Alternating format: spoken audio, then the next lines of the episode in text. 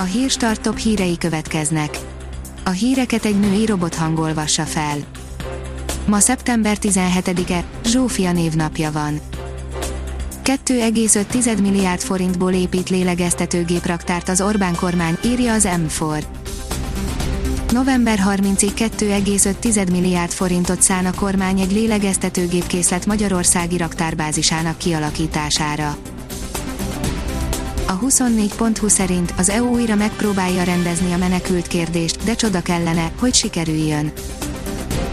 Az északi és déli tagállamok érdekei ugyanis alapvetően ellentétesek, és ott van még Közép-Európa teljes ellenállása.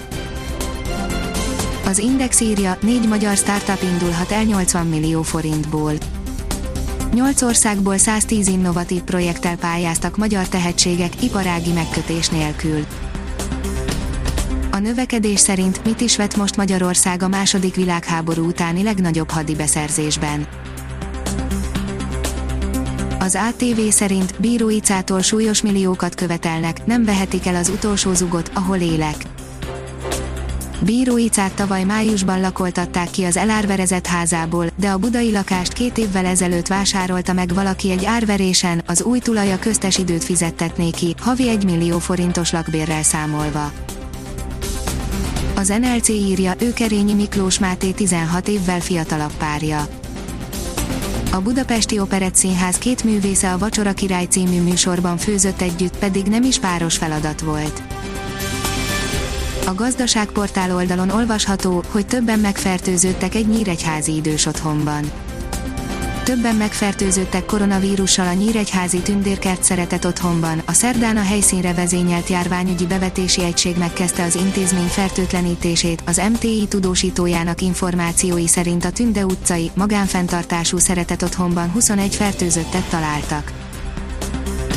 Koronavírus, lazult a fegyelem a közvéleménykutató szerint, írja a 168 óra online. A tavaszi első hullámhoz képest kevésbé óvatosak a vírus elleni védekezésben a magyarok, a maszkviselésen túl minden területen lazult a fegyelem derül ki az Ipsos felméréséből. A privát bankár írja, van pár tipünk, hogy hol indulnak a rozsdaövezeti lakásprojektek a lejtőre került lakáspiac már nagyon kiéhezett arra, hogy a kormány végre eldöntse, hol lesznek a kedvezményes áfával fejleszthető rozsdaövezeti területek. Több olyan fővárosi lokáció is van, amely bekerülhet a programba, s így 5%-os áfával adhatják majd ott a lakásokat. Pozitív tesztek rövid pályás gyorskorcsolyában, írja a 24.hu. A meg nem nevezett három érintett jól van, elkülönítésük megtörtént a kiderül írja, mutatjuk, milyen idő vár ránk a hidegfront után. Hidegfront vonul át felettünk, péntekre országszerte jelentősen visszaesik a nappali felmelegedés, vasárnaptól számíthatunk újabb enyhülésre. Ha még több hírt szeretne hallani, kérjük, hogy látogassa meg a podcast.hírstart.hu oldalunkat, vagy keressen minket a Spotify csatornánkon. Az elhangzott hírek teljes terjedelemben elérhetőek weboldalunkon is a hangfelolvasás nem jöhetett volna létre a Google Cloud és a Central Media csoport hírstart fejlesztései nélkül.